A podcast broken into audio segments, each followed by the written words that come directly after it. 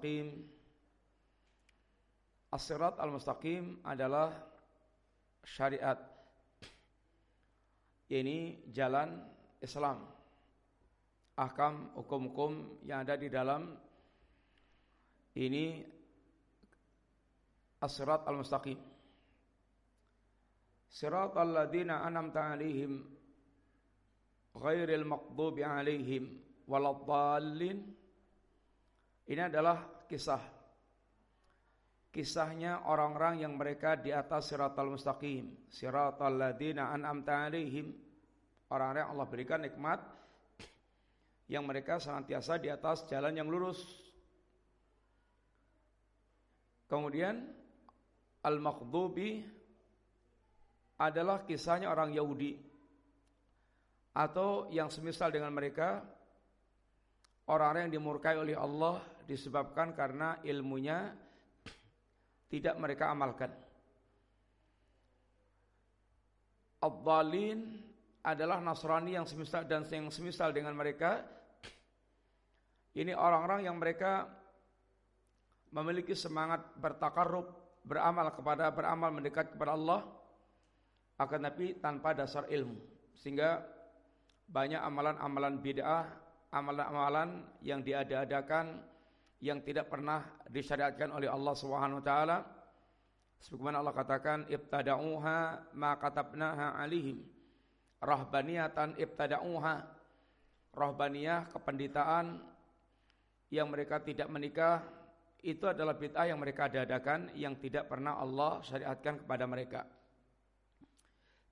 Dengan demikian Suratul Fatihah adalah mewakili semua pembahasan yang ada di dalam ini Al-Qur'anul Karim. Dan di antara suratul Fatihah adalah ada ayat iyyaka na'bud wa iyyaka nasta'in. Dan ini adalah intisari para suratul Fatihah yaitu berkaitan dengan penghambaan seorang hamba. Iyyaka na'bud wa iyyaka nasta'in. Ia karena butuh ia karena stain. Ini adalah hakikat penghambaan. Ia karena but hanya kepada Engkau ya Allah kami beribadah. Yang kalimat ini adalah menunjukkan tekad seorang hamba untuk betul-betul mentauhidkan Allah Taala. Yang didahulukannya maf'ul bi iyaka baru setelah itu yaitu fiil fa'ilnya Na'bud itu artinya nakhussuka bil ibadah wad du'a wal isti'anah wahdak. Kami semata-mata hanya mengkhususkan ibadah doa-doa isti'anah hanya semata-mata kepada Engkau ya Allah. Iyyaka na'bud wa iyyaka nasta'in. Dan Hakikat seorang hamba itu terwakili aktivitasnya pada dua kalimat ini. Iyyaka na'bud. Ini tekad hamba untuk benar-benar mentauhidkan Allah. Tekad hamba untuk benar-benar dia tidak menyekutukan Allah Subhanahu. Yang kalimat ini adalah pemurnian ibadah, pemurnian penghambaan di mana seorang hamba mempersembahkan segala macam untuk ibadahnya totalitas hanya kepada Allah Subhanahu wa taala. Karena itulah yang Allah kendaki. Yang Allah kendaki yaitu ad-dinul khalis. Agama yang dimurnikan untuk Allah taala. Ala lillahi dinul khalis. Ketahuilah agama yang murni itu hanya milik Allah taala. Di mana Allah tidak akan menerima agama yang tidak dimurnikan untuk Allah Ta'ala.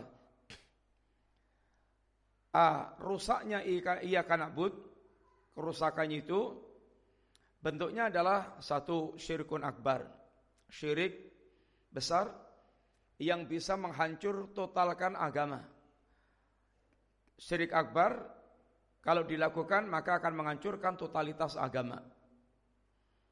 Yang kedua syirkun asghar yaitu ria, sum'ah dan yang semisalnya. Ini merupakan cacat atau akan merusak amal yang dia lakukan. Dan ini tidak mencerminkan ia kanabut karena ira karena orang yang mereka riak sum'ah dia telah menginginkan dengan amal ibadahnya itu kepada orang lain. Bukan kepada Allah Subhanahu wa taala. Dia ingin pamer dia ingin ini pujian-pujian manusia dia dengan amalnya itu ingin mendapatkan kedudukan di mata manusia. Demikian juga iradat dunia bi amalil akhirah. Mengendaki dunia dengan amal akhirat. Dia lakukan amal akhirat tapi yang dia inginkan dunia. Apakah itu harta, apakah jabatan, apakah kedudukan. Sehingga agamanya itu seakan-akan sekedar batu loncatan atau merupakan sekedar wasilah untuk mendapatkan perkara-perkara dunia. Maka ini semuanya cacat terhadap kalimat penegasan ia karena bud.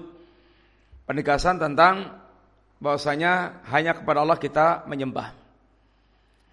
Ia karena stain, wa ia karena stain itu adalah pengakuan tentang kefakiran seorang hamba.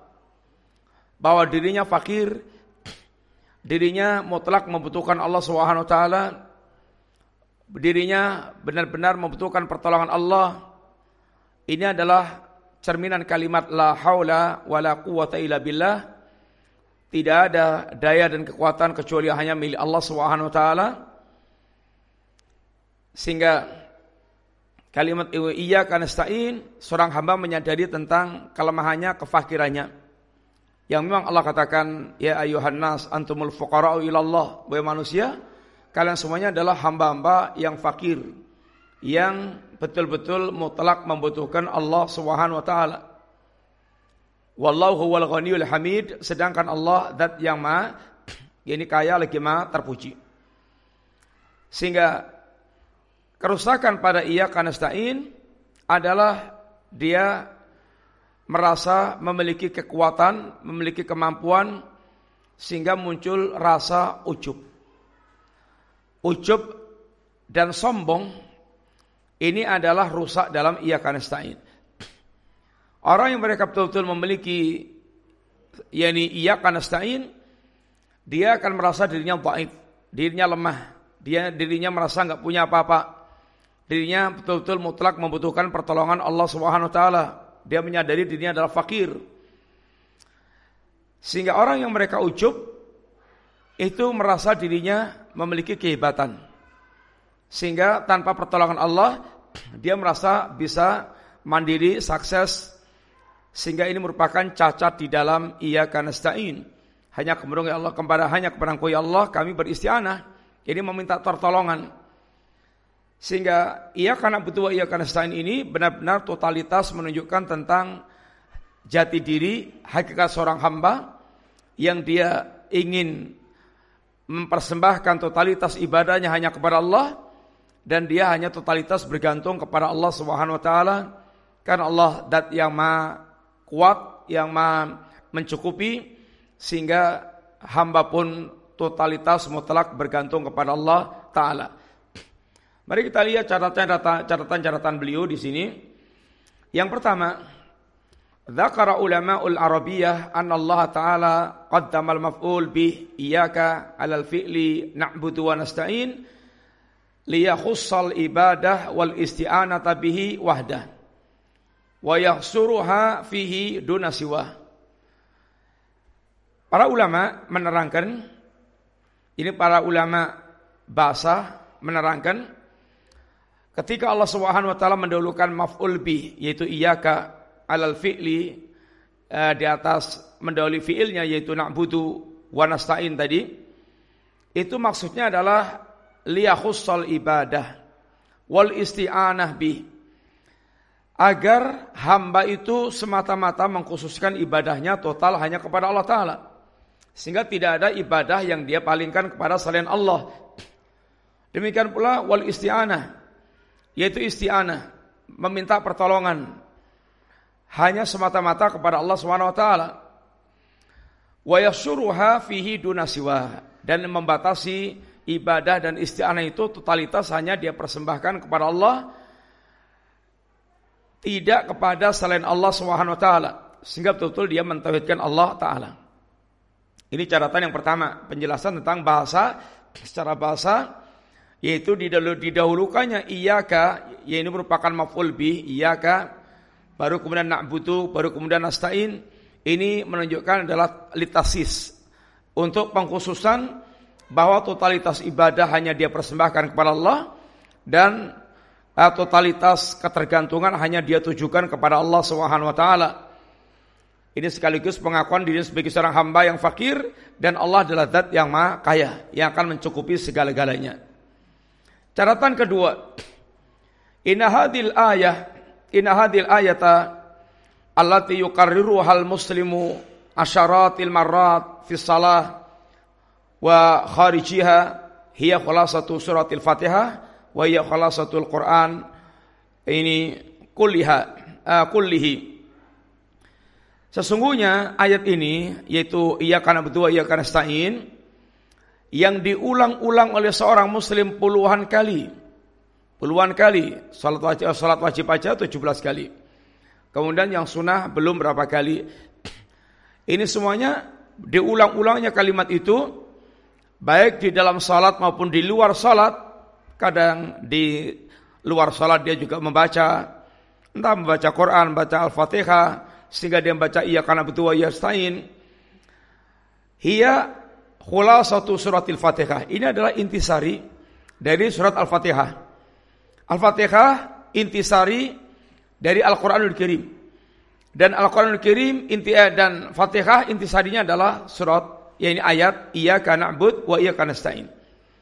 Karena hakikatnya uh, semua adalah tauhid. Isi Quran semuanya tauhid.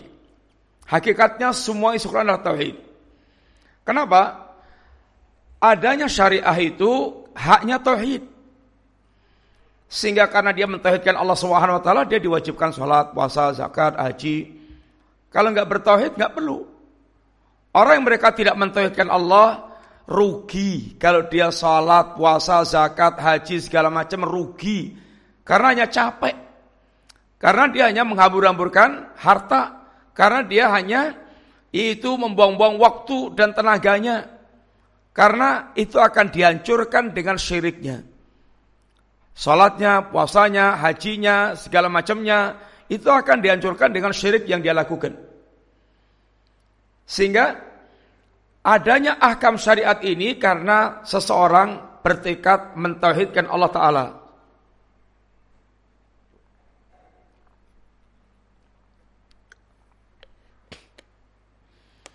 Demikian juga adanya kisah-kisah, kisah Nuh dengan kaumnya, kisah Ibrahim dengan bapaknya dan kaumnya dan rajanya, kisah Musa dengan Fir'aun, kisah ini uh, Nabiullah Saleh, Nabiullah Hud dengan kaumnya, kisah Nabi SAW dengan Abu Jahal, Abu Lahab. Ini kisahnya antara ahli tauhid dan para penentang tauhid. Siratal ladzina an'amta alaihim ini adalah jalannya ahli tauhid. Orang-orang mereka menegak orang-orang mereka berjalan di atas tauhid. Al-Makhdub dan Abdalin orang-orang mereka menyelisih jalannya ahli tauhid. Sehingga Al-Quran dari awal sampai akhir hakikatnya adalah menjelaskan tentang tauhid. Karena ahkam syariat dan kisah-kisah itu semuanya juga berkaitan dengan urusan tauhid. Maka ia karena butuh wa ia karena stain ini adalah intisari suratul Fatihah. Karena intisari daripada Al-Quran secara keseluruhan adalah tauhid. Dan intisa dan intisari uh, Al-Quran adalah surat Al-Fatihah. Inti surat Al-Fatihah adalah ini ayat ia karena betul ia karena stain. Maka dikatakan ini adalah khulasahnya atau kesimpulannya atau intisarinya surat Al-Fatihah. Wa ya khulasatul Quran kullihi dan itu adalah intisari Quran secara ya keseluruhannya. Itu tauhidullah ini upaya untuk menegakkan tauhid kepada Allah Subhanahu wa taala. Maka hakikat kehidupan ini adalah kehidupan menegakkan tauhid. Dan hakikat perjuangan adalah perjuangannya ahli tauhid dan melawan ini orang-orang musyrik, alul batil yang mereka menegakkan kebatilan. Catatan ketiga.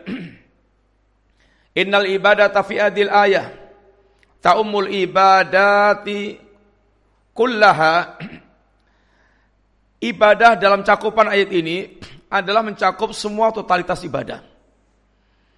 Sehingga totalitas ibadah itu hanya boleh dipersembahkan kepada Allah Taala. Gak ada, gak boleh ada satupun jenis ibadah yang dipersembahkan kepada selain Allah Taala.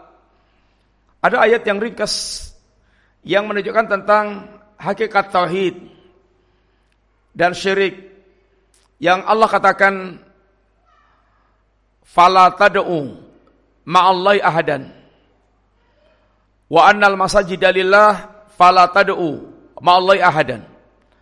Kalimat fala tad'u ma'allahi ahadan ini menjelaskan tentang hakikat tauhid dan hakikat syirik yang namanya tauhid itu yang yang namanya tauhid adalah mempersembahkan totalitas amal ibadah kepada Allah taala. Fala tad'u. Jangan sekali-kali kamu berdoa, beribadah bersama Allah, kamu beribadah pula kepada selain Allah taala. Fala tad'u. Larangan untuk mempersembahkan ibadah jenis apa pun. Seandainya ada seribu jenis ibadah, maka tidak boleh ada satupun jenis ibadah yang dipersembahkan kepada selain Allah Ta'ala. Barang siapa yang dia mempersembahkan 999 ibadah, hanya satu yang dia palingkan kepada selain Allah, maka dia musyrik dan itu menghapuskan yang 999. Karena tidaklah Allah terima kecuali yang mereka betul-betul memberikan ibadahnya hanya kepada Allah Ta'ala. Ala lillahi khalis. Fala tad'u ahadan. Kemudian kalimat ahadan itu nakirah yang memberikan faedah keumuman sehingga siapa pun, apa pun dan siapa pun tidak boleh menerima bentuk ibadah jenis apa pun. Dengan demikian, tauhid itu adalah totalitas mempersembahkan ibadah hanya kepada Allah dan syirik itu adalah mempersembahkan ibadah kepada selain Allah siapa pun mereka. Sehingga syirik itu sama aja Orang nyembah malaikat, nyembah nabi, nyembah wali atau nyembah demit, nyembah kerbu, nyembah ketek, nyembah kayu, nyembah batu, nyembah kuburan sama, nggak ada bedanya. Nggak ada bedanya. Sujud kepada Lata Usamanat seperti syiriknya orang musyrikin Quraisy dan sujud kepada kuburan yang isinya adalah wali sama aja. Yang mau disembah itu kerbu atau uh, nabi sama. Malaikat atau orang gila sama persembahan kepada selain Allah semuanya adalah namanya syirik tanpa pandang bulu siapa itu yang disembah. Karena sebagian orang akan beda-bedakan. Oh yang musyrik itu kalau nyembahnya patung. Kayak orang-orang musyrikin Quraisy nyembah Lata Usamanat. Tapi kalau mendatangi kuburnya orang soleh minta ke situ bukan syirik. Karena mereka ada orang soleh, wali-wali Allah yang dekat dengan Allah. Sama. Di zaman Nabi juga ada yang nyembah Nabi juga dikatakan musyrik kafir nyembah uh, malaikat juga dikatakan musyrik kafir.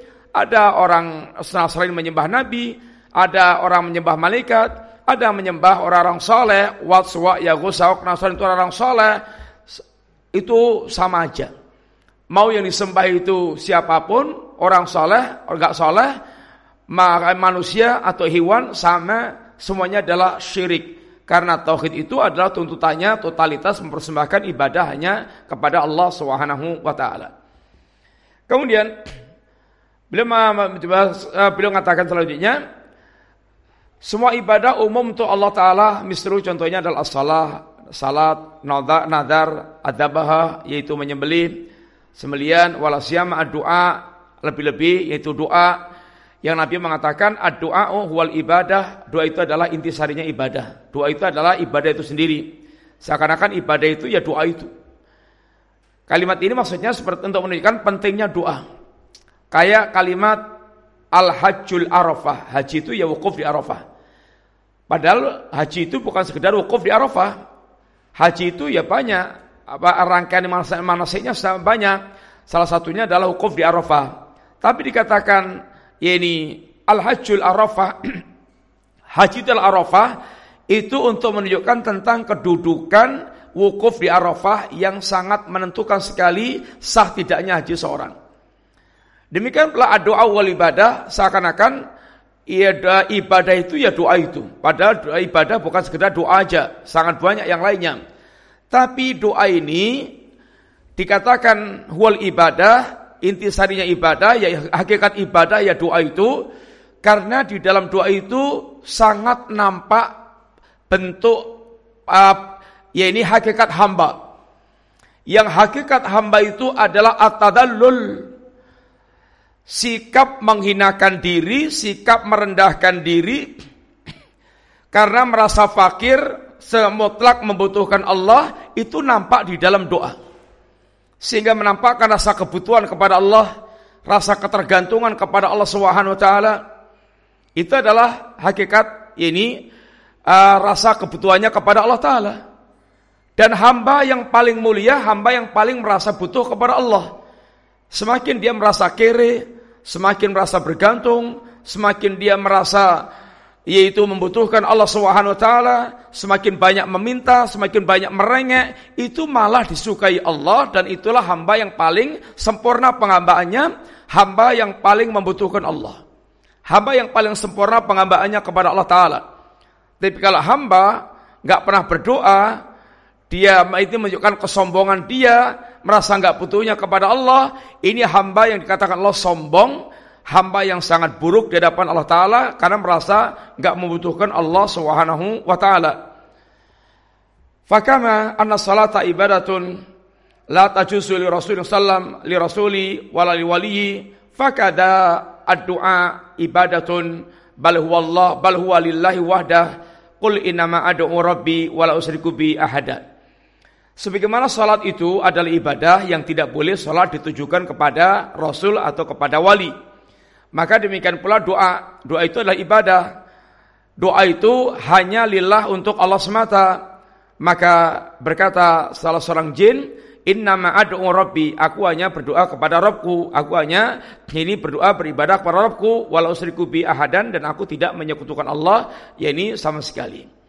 Catatan keempat, Waqala sallallahu wasallam berkata Nabi sallallahu wasallam beliau mengatakan dakwatu dhinun doanya Nabiullah Yunus yaitu dhinun id da'a biha wa huwa fi batnil hud. Ketika Nabiullah Yunus berdoa kepada Allah sedangkan Yunus ada berada di perut ikan paus. Apa doanya Nabiullah Yunus? La ilaha illa anta subhanaka inni kunna inni kuntu minadh zalimin. La ilaha illa anta subhanak inni kuntu minadh zalimin. Ya Allah tidak ada sembahan yang hak kecuali Engkau. Inni kuntu inni kuntu minadh zalimin sungguhnya aku termasuk orang zalim. Ini namanya Nabiullah Yunus berdoa kepada Allah dengan mengawali tawasul, bertawasul. Di antara bentuk tawasul adalah yaitu mengawali doanya dengan menyebutkan nama-nama atau sifat-sifat Allah Subhanahu wa taala dan itu diperintahkan oleh Al-Qur'anul Karim Lillahil asmaul husna fad'uhu biha. Allah memiliki nama-nama yang indah, maka berdoalah kalian kepada Allah dengan nama-nama itu. Berdoa kepada Allah dengan nama-nama Asmaul Husna artinya yaitu menjadikan nama-nama Allah yang maha indah ini sebagai wasilah bertawasul dengan nama-nama tersebut itu menyebut nama-nama Allah atau sifat-sifat Allah sebelum kita mengajukan doa kepada Allah Subhanahu wa taala. Di antaranya seperti Nabiullah Yunus bertawasul dengan tauhidullah. Bertawasul dengan kalimat tauhid, la ilaha illa anta. La ilaha illa anta dan juga berzikir berzikir dengan kalimat tauhid ini tidak boleh yaitu berzikir dalam agama kita dituntutkan berzikir itu harus dengan kalimat yang komplit. La ilaha illallah subhanallah walhamdulillah la haula wala quwata illa billah. Tidak boleh berzikir dengan isim uh, ismullah al-mufrad. Nama Allah yang tunggal Namanya ini Allah, Allah, Allah, Allah, Allah, Allah, nggak boleh. Ngapain? Nah, nyebut Allah, Allah maksudnya apa? Manggil, mau minta, atau mau ngasih, atau mau informasi, atau apa? Gak jelas kalimat Allah, Allah, Allah itu mau maksudnya mau ngapain? Dan tidak ada Nabi nuntunkan berda, berdikir dengan cara seperti itu. Tapi di tengah-tengah kaum muslimin ada yang berdikirnya karena itu. Kalau dikirnya lengkap, tingkatnya masih syariat. Kalau dikir udah marifat, dikirnya Allah, Allah, Allah, Allah. Nanti ada lagi lebih tinggi lagi, dikirnya tinggal hu, hu, hu, hu. Ini dikirnya orang-orang sufi yang menyimpang, yang kalau mau cari dalilnya, pakai mereka bisa mendatangkan dalil. Tapi ini adalah penyimpangan di dalam masalah berzikir. Tidak boleh berzikir itu kecuali dengan ini eh, kalimat yang lengkap. Dan demikian juga yaitu di antaranya dengan atau uh, bertausul dengan kalimat tauhid la ilaha illallah merupakan di antara bentuk bagian dari tausul yang diajarkan oleh itu Nabi sallallahu alaihi wasallam. Demikian pula bertawasul dengan penghinaan dirinya, pengakuan tentang hinaan dirinya. Inni kunnu inni kuntu minadh dhalimin. Sesungguhnya aku termasuk orang zalim ya Allah, mengakui tentang kezalimannya, mengakui tentang ini kekurangan dirinya dan dosa-dosanya. Maka dalam Sayyidul Istighfar kita diajarkan juga oleh Nabi kita bagaimana kita berdoa mengawali dengan tauhid dan pengakuan tentang kezaliman kita atau dosa-dosa kita. Allahumma anta rabbi la ilaha illa anta khalaqtani wa ana abduka wa ana ala ahdika wa atika mastata'tu a'udzu bika min syarri ma sana'tu abu ulaka binikmatika alayya wa abu bidambi faghfirli. Doanya adalah pada kalimat faghfirli, ya Allah ampuni aku. Tapi doa faghfirli ini diawali atau diantarkan dengan kalimat-kalimat sebelumnya yang itu namanya adalah bertawasul kepada Allah dengan kalimat-kalimat tauhid. Allah manta ya Allah engkau adalah Robku, pengakuan tentang Allah sebagai Rob, ini penciptanya yang menciptakannya, yang yang mengadakan, yang menciptakan, yang memilikinya, yang menguasainya, yang mengaturnya, Allah manta Rabbi. La ilaha illa anta.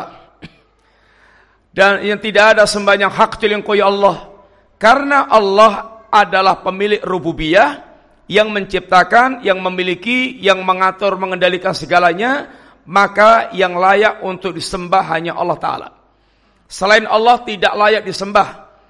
Karena mereka tidak memiliki rububiyah dan tidak memiliki kesempurnaan sifat. Maka semua sembahan selain Allah adalah batil. Adalah batil. Dzalika bi anna Allah huwa haq eh, dzalika bi anna Allah huwal haq wa anna ma yad'una min dunil batil. Demikian itu karena sungguhnya Allah adalah sembahan yang hak dan selain Allah adalah sembahan yang batil. Karena hanya Allah yang menciptakan, memiliki, mengurus segala-galanya Sedangkan selain Allah maka mereka tidak memiliki rububiyah sama sekali dan tidak memiliki kesempurnaan sifat sama sekali. Mereka adalah makhluk dan Allah adalah Al-Khaliq. Allah manta Rabbi, la ilaha illa anta. Khalaqtani, engkau adalah yang menciptakanku ya Allah. Engkau ciptakan aku ya Allah, wa ana ala ahdika wa wa'dika, wa ana wa ana abduka dan aku adalah hambamu ya Allah. Engkau engkau penciptaku ya Allah. Dan aku adalah hambamu ya Allah. Pengakuan tentang dirinya adalah seorang hamba. Dan pengakuan tentang Allah sebagai Rabb, ilah yang ma'bud yang hak. La Allah ma anta rabbi. Ana wa ana abduka. Wa ana ala ahdika wa wa'dika mastata'tu. Ya Allah, aku terikat dengan perjanjianmu. Dan aku ingin mewujudkan perjanjian untuk mentauhidkanmu itu semaksimal yang bisa aku lakukan. Kita telah berjanji kepada Allah ketika Allah ambil persumpah perjanjian kita, alastu birobikum, wahai hambaku, bukankah aku adalah Rob sembahanmu? Bala, iya ya Allah, engkau adalah sembahanku. Dan Allah ambil itu agar manusia tidak kemudian mereka mengingkari di kemudian hari. Ini adalah sumpah manusia untuk mereka menyembah Allah. Maka uh, Nabi ajarkan kepada kita wa ana ala ahdika wa wa'dika mastata'tu. Abu ulaka a'udzu bika min syarri ma Ya Allah, aku mengaku eh, ya Allah, ini aku berlindung kepada Engkau dari seluruh keburukan yang aku lakukan. Kita menyimpan nafsu dan nafsu kita ini sering sekali menyeret kepada membisikkan keburukan-keburukan sehingga kita diajarkan oleh Nabi agar berlindung kepada Allah yang menguasai nafsu ini dari keburukan nafsu yang sering menyeret kita kepada keburukan, malas, meninggalkan kewajiban, cenderung kepada muharamat, yang kadang kalau dia pas nafsunya itu ketemu setan, nafsunya ketemu setan, ada kesempatan sudah gelinding kemudian dia melakukan yang haram. Kesempatan yang paling kuat nafsu ketemu bisikan setan, ketemu kesempatan. Maka dia akan sangat gampang sekali ya ini tenggelam dalam muharamat maka kita minta pelindungan kepada Allah agar benar-benar diteguhkan di atas yaitu jalan yang lurus di atas kebenaran karena nafsu ini ibaratnya musuh dalam selimut yang ada dalam hati yang ada dalam diri kita yang dia senantiasa setiap saat bisa muncul bisa jedul membisikkan sehingga tergelincir Abu ulaka binikmatika alayya ya Allah aku mengakui tentang semua nikmat yang kau curahkan kepadaku. Yang tidak mungkin bisa kita hitung.